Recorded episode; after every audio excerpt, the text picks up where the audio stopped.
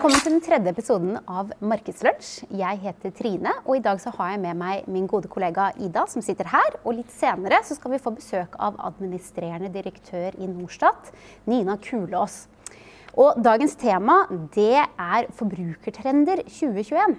Og det er jo et ganske bredt tema, så Ida og jeg har valgt å snevre det inn litt. Og vi skal derfor i dag snakke om det vi eh, kaller trendmyter, fremtidig forbruk og kundereisen. Så med det så tror jeg vi bare setter i gang. Og vi skal jo også ha masse informasjon som vi har fått av Norstat gjennom hele episoden. Så det er viktig å få med seg. Ja, og det vi ønsker med denne episoden er jo å drøfte trender som vi ser ute i markedet. Eh, ved hjelp av litt statistikk. Eh, rett og slett hjelpe markedsførere å prioritere riktig. Eh, et markedsbudsjett er jo ikke uendelig, og det å kunne prioritere riktig er en kjempevektig jobb. Ja, det er jo knallviktig. Det er sånn man får eh, best mulig avkastning på det man gjør. Men eh, første tema ut i dag er trendmyter. Kan ikke du forklare hva vi mener med det? Ja, Først og fremst så er jo det et uh, sjølaga uttrykk. Vi har lyst å se litt på trender som vi har sett når vi har gjort research til denne episoden her. Eh, og vi har lyst til å se om det er en reell trend, eh, eller om det er bare noen ting som blir snakka om. Uh, som ikke utføres i praksis. Um, og når vi gjør en del uh, research til en sånn her episode som vi har gjort nå, så kommer vi jo over en del artikler og sånn. Og det er veldig mange ting som går igjen, bl.a. emosjonelle triggere som spiller på verdi og bærekraft som spiller på miljø. Så vi har valgt eh, å fokusere på at trendmyter, det temaet her, skal kokes ned til eh, verdier og miljø. Og da fikk vi rett og slett eh, lyst til å sjekke ut om folk bryr seg om det her, eller om det er bare merkevarer som vil eh, selge, rett og slett. Ja, og da har vi fått litt hjelp av Norstat, så det skal vi snakke om, eh, om litt. Eh, men før det så har vi jo tatt med oss noen eksempler på merkevarer som jobber med verdi og miljø i sin merke, markedsføring. Ja, og via miljøtrenden så ser vi at kundelojalitet bygges på nye måter i dag. Eh, og vi har jo veldig mange eksempler både fra innenlands og utenlands at eh, de bruker det i sin verdibaserte markedsføring i kommunikasjonen sin. Og vi kan jo ta et veldig kult eksempel fra eh, United States of America. Ja, Intet mindre. Ja. Det er svære klesmerket Patagonia som har uh, fått en veldig stor boost i det siste. De hadde en annonse i New York Times under Black Week med store, svarte bokstaver. Og på den annonsen så står det 'Don't buy this jacket'. Så det her er ganske tydelig at noen spiller på det miljøaspektet og miljøtrenden. Og de ville bl.a. sette fokus på overforbruk. Nettopp. Det er jo ganske modig som klesmerke å gå ut og ha det som, eh, som, budskap. Jeg tror jo at forbrukermarkedet blir å endre seg mer og mer. Vi ser jo at det er en jungel av tilbydere der ute, og man må på mange måter kunne tilby noe mer. Mm. Og også under researchen til denne markedslunsjen så kom jeg over et veldig kult um, uttrykk som jeg tror er ganske beskrivende for hvordan forbrukeren har det. Og den, det går som at 'change is the norm and trust becomes an essential demand'.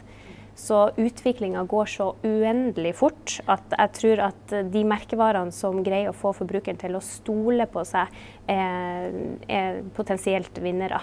Ja, jeg tror du har helt rett. Eh, tillit har jo blitt veldig verdifullt. Jeg tror det er veldig mange merkevarer i dag som kjenner på at de må jobbe med markedsføringen sin på en helt annen måte for å, for å være troverdige. Jeg syns dette også er et veldig godt eksempel på 'put your money where your mouth is'. Uh, det er ikke bare noe man uh, har tomme ord. Man, man, viser faktisk at man tar den, dette arbeidet på alvor. Man endrer seg som bedrift. og det er jo ikke alle som får til.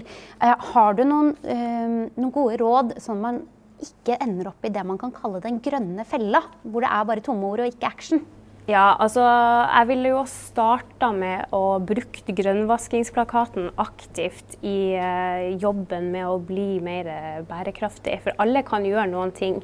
Men bruk den som er retningslinja. Ja, og den finner du på grønnvasking.no. så får du hjelp til å uh, jobbe ordentlig med det her. Mm.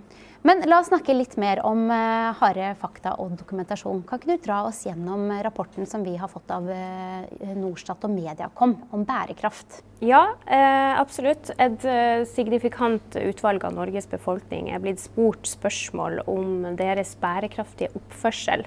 Og da har vi en rapport fra 2019, og så har vi en rapport som vi faktisk fikk dagen før denne episoden spilles inn. Så det er rykende fersk. Og da skal eh, vi se litt på hvordan ting har forandra seg. Um, så vi kan starte med det første spørsmålet, som ble stilt i 2019. Og da går spørsmålet har du bevisst endra atferd de siste tolv månedene for å opptre mer bærekraftig. Her svarer 53 svarer eh, nei, 47% svarer ja. Og det som er viktig å bemerke seg her i den ja-kategorien, så er kvinner eh, i stor overtall. Ja. Mm. Også samme spørsmålet ble stilt i 2021.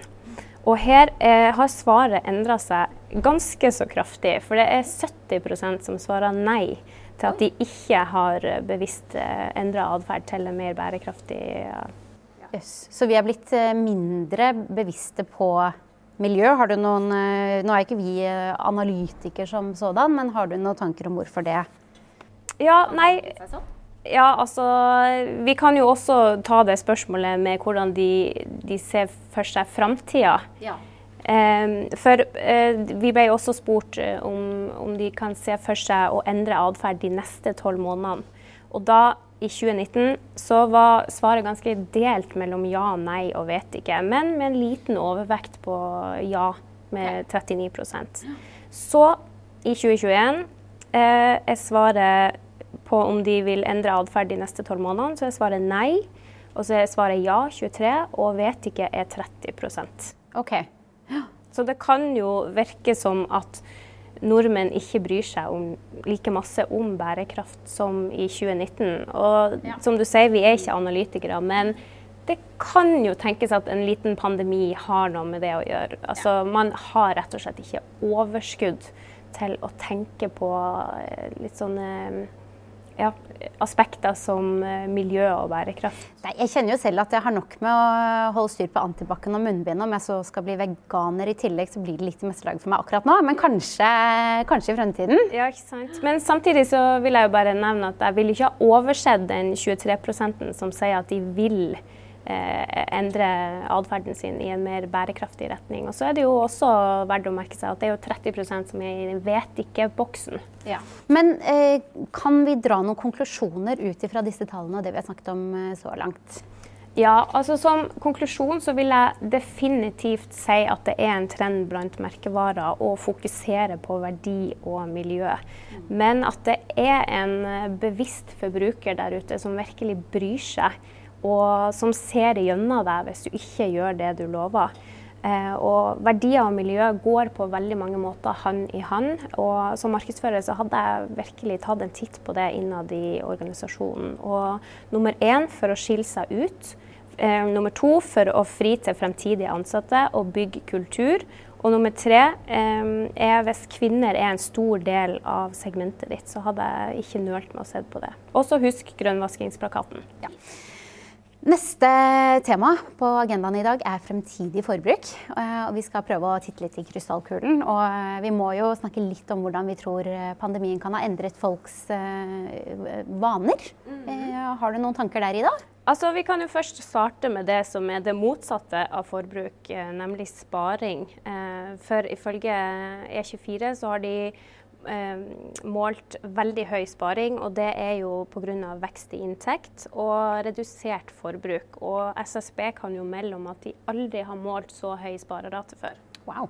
Mm. Ja, det er, jo, det er, jo, ganske interessant. Eh, men de nevner vel også faktisk i samme artikkel at eh, SSB spår en økning i det private forbruket eh, neste, på hele 14,5% i volum de neste to årene det er jo ganske heftig. Så det blir sånn sparing nå, og så kjøpebonanza etter pandemien, da. Ja, om ikke det blir kjøpebonanza, så kan det i hvert fall se ut til at eh, pengene blir i Norge. Vi har jo endra på reisevanene våre, noe ufrivillig, vil jeg tro. Eh, og vi kan jo um, understøtte det med Norstat sin undersøkelse gjort i januar om eh, hvor sommerferien i 2021 blir. Og den norske befolkninga sier um, at de kommer til å feriere i Norge. 67% sier det. Og av Oslo-befolkninga så er det hele 70 så det er jo et bra tegn, eller det lover bra for norsk reiseliv. I hvert fall deler av det. Ja, det gjør det. Og så kan det jo også tenkes at eh, når ting normaliserer seg og, og ting åpner opp, i hvert fall i storbyene, så, eh, og restauranter og skjenkestopp opphører, at man vil se at en del av disse næringene kommer til å få en del av pengene våre. For vi har jo vært isolerte ganske lenge nå. Og eh, det ser jo ut som også optimismen er litt på vei tilbake. Det er noen som har begynt å bestille ferieturer turer uh, utenlands, har jeg hørt litt rykter om. Og, uh, så det kan jo tenkes uh, at, at, det skjer. Men samtidig så skal vi jo ikke glemme den gruppen som også har fått det mye verre under pandemien økonomisk. Det er veldig mange som har mistet jobbene sine og blitt permittert, og som kanskje har fått et litt mer forsiktig eh, forbruk. Eh, og det kan jo tenkes at det vedvarer i denne gruppen. Så man må jo se an sin egen målgruppe og vurdere hvilken kategori er det vi jobber i, og hvor er det vår hvordan er det vår målgruppe har blitt påvirket av pandemien? Ja, absolutt. Jeg tror alle er veldig lei av å snakke om pandemi og korona, men vi, vi kommer oss ikke unna det. Nei. Så vi har jo tenkt å, å ja, se litt på hva som har endra seg, for det vil jo også legge grunnlaget til hva som kommer til å bli. Mm. Og vi ser jo også en endring i at folk handler mer lokalt. De drar ikke på jobben nå. Og ifølge en undersøkelse gjort av Mastercard i oktober i fjor, så er det 76% av norske forbrukere sier at de er mer tilbøyelig mot å handle på sine lokale handelssteder når pandemien eh, er over. Oh ja. ja, så lokal eh, shopping har blitt, eh, har, har blitt en større del av vår hverdag ser det ut som. Men det er jo noen ting som faktisk ikke har endret seg også. Eh, tro det eller ei. 62% sier at eh, de ikke har handlet nye merker, varer eller tjeneste som eh, følge av koronakrisen. Eh, mens så er det jo eh, de som har handlet nye varer. Eh, de har gjort det innen kategorien mat, drikke, hygieneartikkel, godteri og snacks. Ja, eh, jeg kan jo i hvert fall med trygghet si at jeg har prøvd eh, ganske mye av den siste kategorien eh, snacks. Jeg er en stor eh, snekker, om det går an å si. Men eh, jeg vil også dra fram et, eh, en del av en bransje som kan tenkes å få seg en boost, og som jeg sjøl har også bidratt til. For i 2020 så ble jeg også medlem i massasjekonseptet Squeeze. Oh. Og vi ser at dette er en del av en bransje som kan tenke seg å få et løft. For folk er mer opptatt av eh, stressreduksjon og økt velvære. Og det kan vi også se i NHO sin um, tall- og trenderapport for 2020, at uh, de nevner et begrep som heter 'minding myself'. Som rett og slett betyr sunn sjel, sunt legeme. Ok, ja. Men eh, jeg tenker jo at vi alle godt kunne trengt en real massasje etter det siste yes. året. Eh, så det er jo, eh, er jo, litt sånn fint å tenke på, da. Men hvis vi skal oppsummere her på temaet fremtidig forbruk, hva, hva, kan ikke du gjøre det for oss? Ja, vi kan jo med ganske trygghet si at ferien blir i Norge. Forhåpentligvis blir pengene her også. Um, og vi kan se tendenser til at folk ønsker å unne seg litt uh, mer når det kommer til sosialt samvær og, um, uh, og velvære, når ting blir mer som normalt. Neste og siste punkt på agendaen før uh, gjesten vår kommer inn, er kundereisa. Og den er jo i stor grad digital nå om dagen. Og jeg hørte på en podkast fra Mintel som fortalte at under SARS i Kina for 17 år siden, så ble det en voldsom boost i nett handel. Og den vedvarte etter at epidemien var, eh, var ferdig. Eh, tror du det er det vi ser eh, tendenser til nå? Altså jeg syns i hvert fall eh, køen utenfor postkontoret er ganske lang om dagen. Ja, det er jeg helt enig i. Og som du sier, så blir det spennende å se. Eh, og vi er jo ikke fri for pandemien enda, så det er litt vanskelig å si. Men vi kan tydelig si at netthandelen har økt. For ifølge SSB så har eh, omsetninga på netthandelen økt med 39,6 fra siste del av 2019 til siste del av 2020. Så det er betraktelig. Ja, det er ganske stor økning. Um, og ifølge uh, rapporten som Norstat uh, gjennomførte i januar, så sier fire av ti uh, at de har handlet varer på internett som de ellers ville handlet i butikk pga. korona. og den viser en klar økning innenfor klær, sko, elektronikk, sport kosmetikk og hygieneprodukter.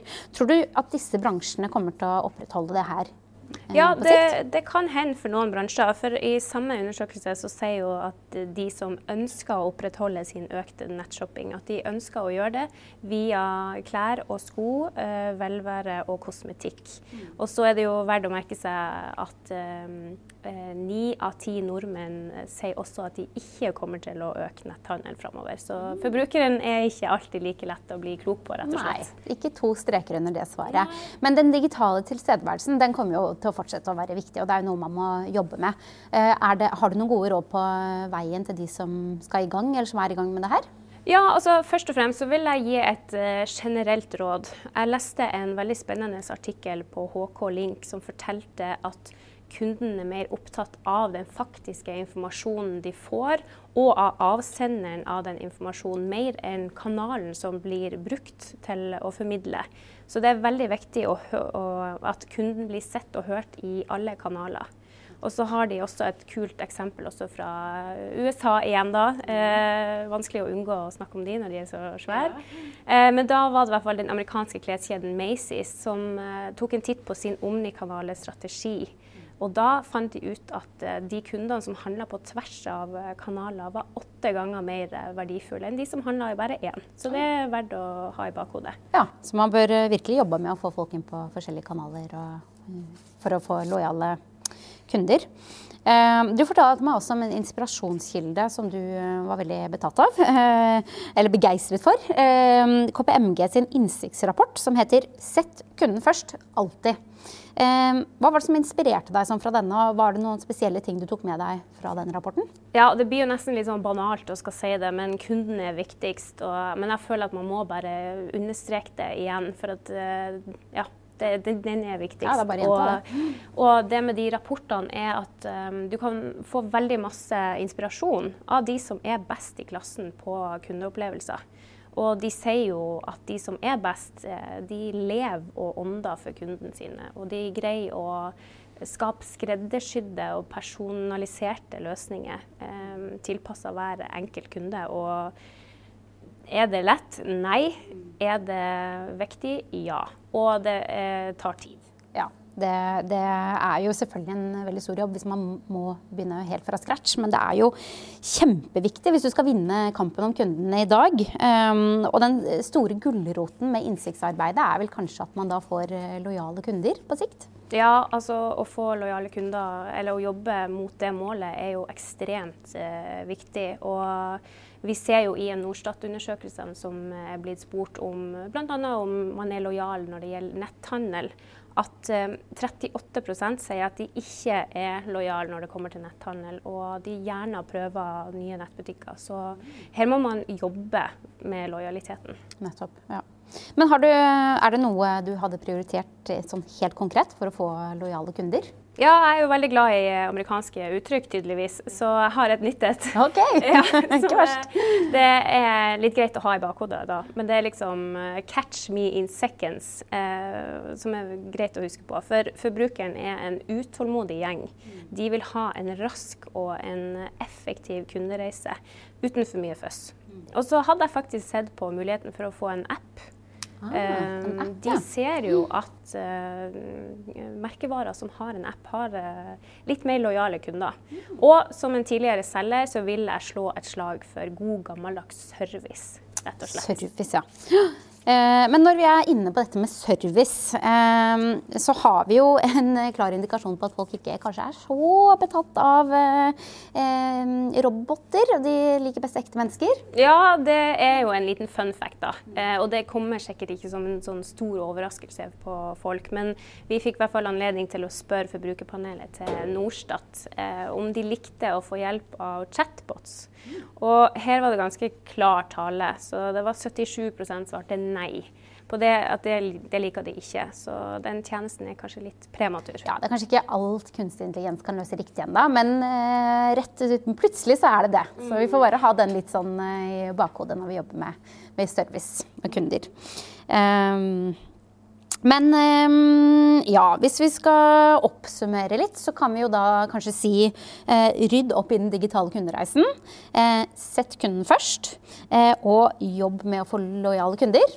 Ja, og gjør kundereisen til en effektiv og gøyal opplevelse. Og gjerne med litt humor og takhøyde der det passer. Um, og tenk helhet i kommunikasjonen, og bruk innsikt for alt det er verdt. Yes. Og en som kan hjelpe oss å snakke litt mer om eh, innsikt, er gjesten vår, Nina Kulås.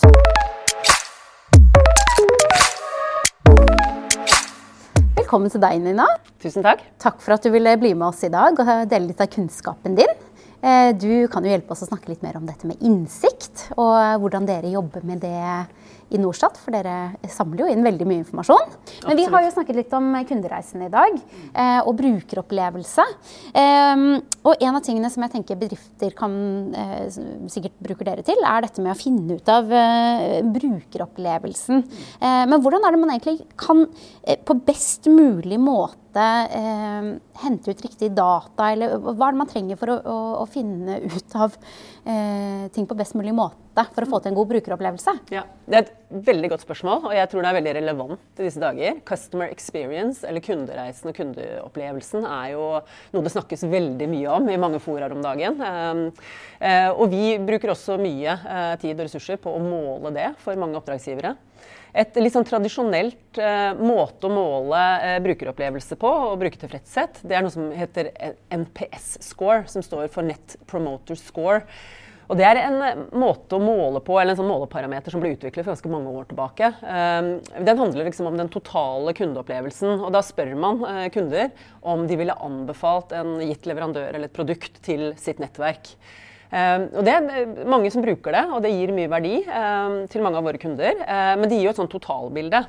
det jeg er opptatt av, og i hvert fall som et tips også til er å, å, nettopp legge merke til begrepet kundereise. Og det at det er en reise, der er det ofte mange steg og en prosess involvert. vi jobber mye med Eh, aktører som jobber digitalt, f.eks. Med, med netthandel. Eh, og det er klart at En kundereise den, eh, den starter kanskje allerede idet en, en person begynner å søke etter et produkt og gjør et Google-søk f.eks. Og så fortsetter den kanskje inn på nettsiden din, og der leter man etter et relevant produkt. Kanskje man har funnet to produkter, og så søker man etter produktinformasjon for å finne det riktige gitt ens egne behov. Kanskje man trenger litt hjelp fra kundeservice. Eh, og så går man kanskje videre til eh, varehandlevognen, og så til en betalingsløsning. Og så er det oppfølging fram til faktisk leveranse av produktet. Så her, eh, Dette bare som illustrasjon, men det er mange steg i en kundereise. Og det er klart at en Net Promoter Score den kan bli god eller dårlig avhengig av hvordan man gjør det på ganske mange ulike steg i den prosessen. Så man kan ha verdens beste nettside. Men kanskje hvis betalingsløsningen er forferdelig dårlig, eller ikke inneholder de relevante ja, alternativene ja, for deg, Vips, Klarna, det som, ja. ikke sant? Mm, så, så, kan det bli en litt dårligere score. Men det er ikke sikkert at alt er galt. Men Og Derfor er det veldig viktig eh, å både måle og jobbe eh, mener vi da, systematisk. Eh, for det er veldig mye som kan måles. Eh, og vi jobber mye og stadig mer med bl.a. digitale brukertester. Oh, ja. Nettopp for å teste nettsider. Er de lette å navigere rundt? Er de intuitive? Mm. Hva med innloggingsløsningen din hvis du bruker det? Eller betalingsløsningen, som vi allerede har vært inne på. Ja. Mm. Og dette er ting som man kan teste, også med ganske enkle verktøy. Eh, både med en moderator, som vi kaller, en som guider deg gjennom spørsmål og ber deg utføre oppgaver for å se om det er intuitivt forståelig og bra sett fra forbrukerens ståsted. Eh, eller vi har også enkle modererte tester, hvor vi filmer folk som sitter hjemme hos seg selv med iPaden eller mobilen eller på desktopen, og gjennomfører oppgaver med digitale konsepter. Og responderer og snakker og filmes underveis. da, Som gir masse verdifull informasjon til, til kunder som vil jobbe best mulig med, med ulike stadier da, i den kundereisen. Men eh, altså, Dette er jo kjempeviktig, og, men det er jo veldig omfattende det du snakker om her. Eh, er dette noe som er kun egnet eh, for de store, største aktørene, eller fins det noen løsninger for, små, eh, for mindre eh, aktører også i markedet? Du, Absolutt. Jeg tror både når man ser på verktøy som man kan bruke selv, det fins en del av dem, og hvis man går til sånne som oss, eller større aktører i markedsanalysebransjen, så, så fins det jo en portefølje av produkter. Og noen er omfattende og, og, og kostbare, og andre er si, betydelig mindre omfattende og sånne ting. Men litt avhengig av hva slags formål, eller hva man skal prøve å finne ut av, og hvilket formål og hva man skal bruke eh, si, undersøkelsene til, da, så, så, er det et helt spekter av ulike alternativer. Ja. Um, og så skal jo dere lansere et ja, nytt konsept også? Det er helt riktig. Ja. For det vi ser um, i, i, markedet, er jo også et behov for å få data både raskere og enklere, og ofte også til, en, til, en, billig penge. Ja. Så vi har jobbet mye med automatisering og selvbetjente løsninger. Så veldig snart nå så lanserer vi Norstat et produkt som vi kaller Norstat Ekspress. Som, eh, hvor du som kunde kan sette deg ned og sette opp enkle undersøkelser selv. Eh, velge målgruppe, hvilke spørsmål, kanskje du skal ha noe materiell som, kunde, som respondentene skal kommentere eller mene noe om. Eh, og så publiserer du den. Eh, og så kjøres den undersøkelsen i Norstat-panelet, som er Norges største webpanel med over 80 000 nordmenn. Eh, så der treffer man de fleste målgrupper. Og så får man svarene løpende. Og ja. da snakker vi I real time, da? Altså, real time, ja. ja så Absolutt. man kan sitte i en workshop og så kan man dra opp dette verktøyet og så få svar på det man lurer på. Det er jo, det er jo fascinerende. Ja, og veldig, veldig nyttig. Ja. Og det skjer mye altså, hos oss og, og, i markedet. Altså, teknologi og digitalisering gjør at man både kan måle nye ting og måle på nye måter, og selvfølgelig også tilgjengeliggjøre dataene på, på nye måter. Så det er veldig mye spennende. Ja, Så da får dere si fra til markedet når det, når det, er klart. Det skal vi gjøre. Men det, vi har jo snakket mye om eh, bærekraft og miljø i dag. Um, og uh, du er jo ikke guru, altså det er ikke du som sitter med fasit på alt det, men dere uh, gjennomfører jo veldig mange undersøkelser av forskjellige typer, som vi har snakket om allerede. Uh, ser dere noe markant økning i eh, aktører som etterspør undersøkelser om bærekraft og miljø og, og den type eh, informasjon? Absolutt. Det er en helt eh, tydelig trend. Eh, vi får stadig flere forespørsler om å gjøre undersøkelser med bærekraftsrelaterte temaer fra, fra, veldig mange både nye og eksisterende kunder. Så det, det, er et ekstremt viktig tema både for store og små aktører i offentlig og privat sektor osv. Um, og vi ser jo også i, i vårt webpanel så har vi mange bakgrunnsvariabler.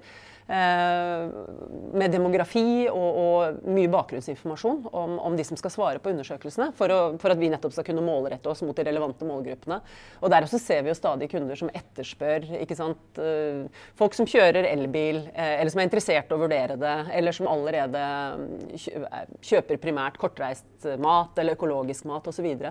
så disse både som bakgrunnsvariabler for å kunne treffe effektivt relevante målgrupper, men også generelt bare som temaundersøkelser, så er det en en betydelig økning over de siste årene. Ser dere noen generell trend i svarene? Ja, Dere var jo litt inne på det tidligere i, i webinaret. Um, vi ser jo at uh, over de siste årene så, så, er det absolutt en betydelig andel nordmenn som legger om til en mer bærekraftig livsstil, uh, og oppgir at de gjør det. Um, at kvinner er uh, i flertall blant de som oppgir at det, det er viktig for dem. Um, vi ser jo også at bærekraftig livsstil det er jo typisk både altså bil og, og, kommunikasjon. Og det er tema rundt mat og, og interiør og, og, shopping og forbruksvaner og sånne ting. Og der ser vi også at spesielt kvinner er jo opptatt av alt som har med mat å gjøre. Både matsvinnene, om det, om det skal helst bør være økologisk og kortreist osv. Uh, og så er det jo en annen veldig tydelig trend, og det er at de unge er eh, veldig solid representert blant de som er mest opptatt av bærekraft, og tar, liksom, allerede har tatt eh, de første stegene i retning av en betydelig mer bærekraftig livsstil. Og så ser vi at det er et storbyfenomen. Og det er kanskje den siste tingen som er viktig å understreke. At, ja, det er jo veldig interessant å ta med seg videre. Uh, og det er klart at uh, det her er jo bare veldig generelt, så hvis det fins bedrifter der ute som lurer på det her, så er jo dette noe man kan pirke mye mer Gå veldig mye mer ned i, i dybden på. Absolutt. Så. Men det var en, en, siste ting som vi hadde lyst til å snakke om i dag, som er litt sånn derre Hva skal vi si Stor nyhet, kanskje ikke det, men dere har en liten hemmelighet. dere har drevet med en Amazon tracker. Eh, I forrige, første episode så snakket jo våre kollegaer litt om uh, inntoget av Amazon. De har jo kommet til Sverige nå. Mm. Eh, dere har undersøkt litt. Mm. Kan ikke du fortelle litt uh, hva det er dere følger med på? Det er helt riktig. Vi, uh, Norstat har kontorer i tolv land. og da Amazon gjorde sitt inn, inn, inntog i Sverige for ikke så altfor mange måneder siden, så ble vi enige om å kjøre en nordisk tracker på Amazon. både i Sverige, hvor allerede Amazon da hadde gjort sitt inntog, og, og i de tre andre landene hvor, hvor enn så lenge er ikke Amazon på plass. Så de siste månedene Vi kjører en månedlig måling um, som handler om um, kjennskap til Amazon og litt sånn generell atferd rundt netthandel og hva som er viktig og mindre viktig da, når man velger hvor man handler fra på nett. Ja. Så der, der, er det mange interessante funn. Og jeg vet jo at veldig mange har begynt å forberede Amazon sin inntreden. Så vidt jeg vet, så er det ikke liksom annonsert en dato hvor de kommer inn i Norge. Eh, men, men, det er jo mange som er forberedt på det, og, og den konkurransen de forventer kommer derfra. Og det, det, kan vi jo si at den trackeren den bekrefter vel at det er viktig å og ja, tenke på det og forberede seg på det. For det var vel en del som hadde brukt eh, Amazon allerede, selv om den ikke var kommet til Norge enda? Ca. 30% av nordmenn har allerede brukt eh, Amazon ifølge våre målinger eh, fra internasjonale nettsteder. Eh, og mange nordmenn oppgir generelt når de handler på nett at de er veldig opptatt av pris, og så er de veldig opptatt av bredde i sortiment. Og der ser vi også at mange nordmenn har et veldig positivt bilde av Amazon og, og høye forventninger nettopp til hva Amazon kan, eh, kan bringe til bords der. Ja. Så man skal ikke sove i timen her. Man uh, bør følge med på den og ja, se hvordan man kan tilpasse seg det. Eventuelt uh, ta grep med sin egen nettside. Ja, og som vi har snakka uh, om tidligere, bygg lojalitet hos kunden. Mm. Det tror jeg blir vel så viktig nå når de kommer.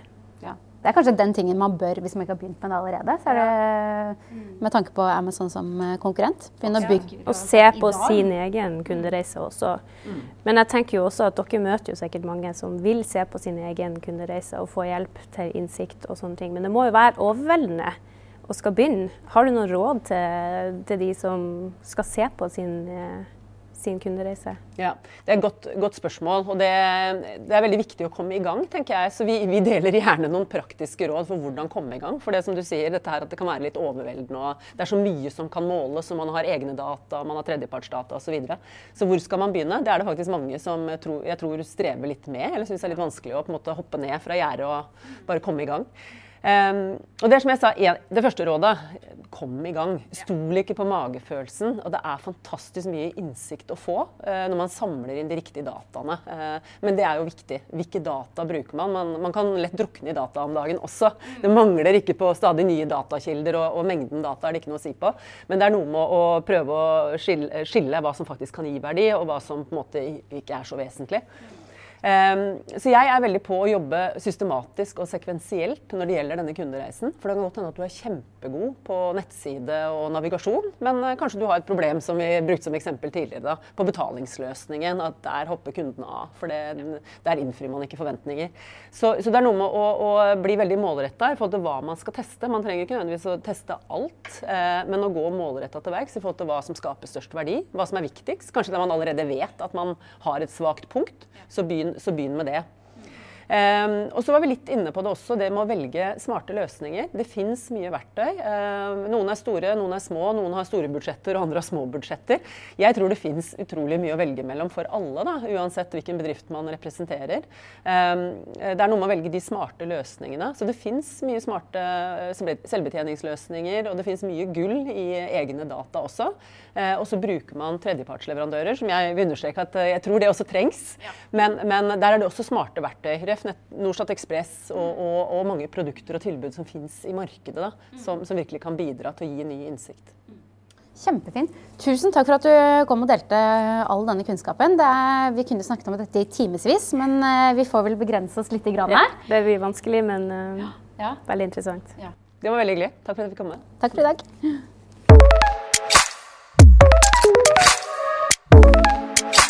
Så hvis vi skal oppsummere dagens episode, Ida, kan ikke du eh, dra oss gjennom punktene vi eh, skal ta med oss herifra? Yes. Um, på det første punktet vi snakka om, som var trendmyter, så vil jeg helt klart si at det er masse kommersielt bak det. Men at det er mm, verdt å se på verdi- og miljøaspektet innad i bedriften.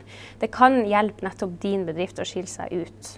Og så må vi huske på at den yngre generasjonen er veldig opptatt av miljøet, og nettopp de kan bli de viktigste, din viktigste kundegruppe om noen år. Og under fremtidig forbruk så kan vi jo si at uh, folk har fått øynene opp for sine lokale handelssentrum. Og um, de kommer til å bruke de mer i framtida. Ferien blir i Norge i 2021, og velværesegmentet kan få seg en boost. Og på kundereisen så har folk handla helt klart mer på nett. Men det kan tenke seg at det blir mer normale tilstander når um, det åpner opp og det blir mer normalt liv. Um, pass på å rydde opp i egen kundereise. Sats på innsikt, service og personlige løsninger for å skape lojale kunder. Og om det passer, skaff en app. Fin oppsummering. Konkret. Konkret. Ja. ja. Og med det så takker vi for følget i dagens episode, og så ses vi til neste episode.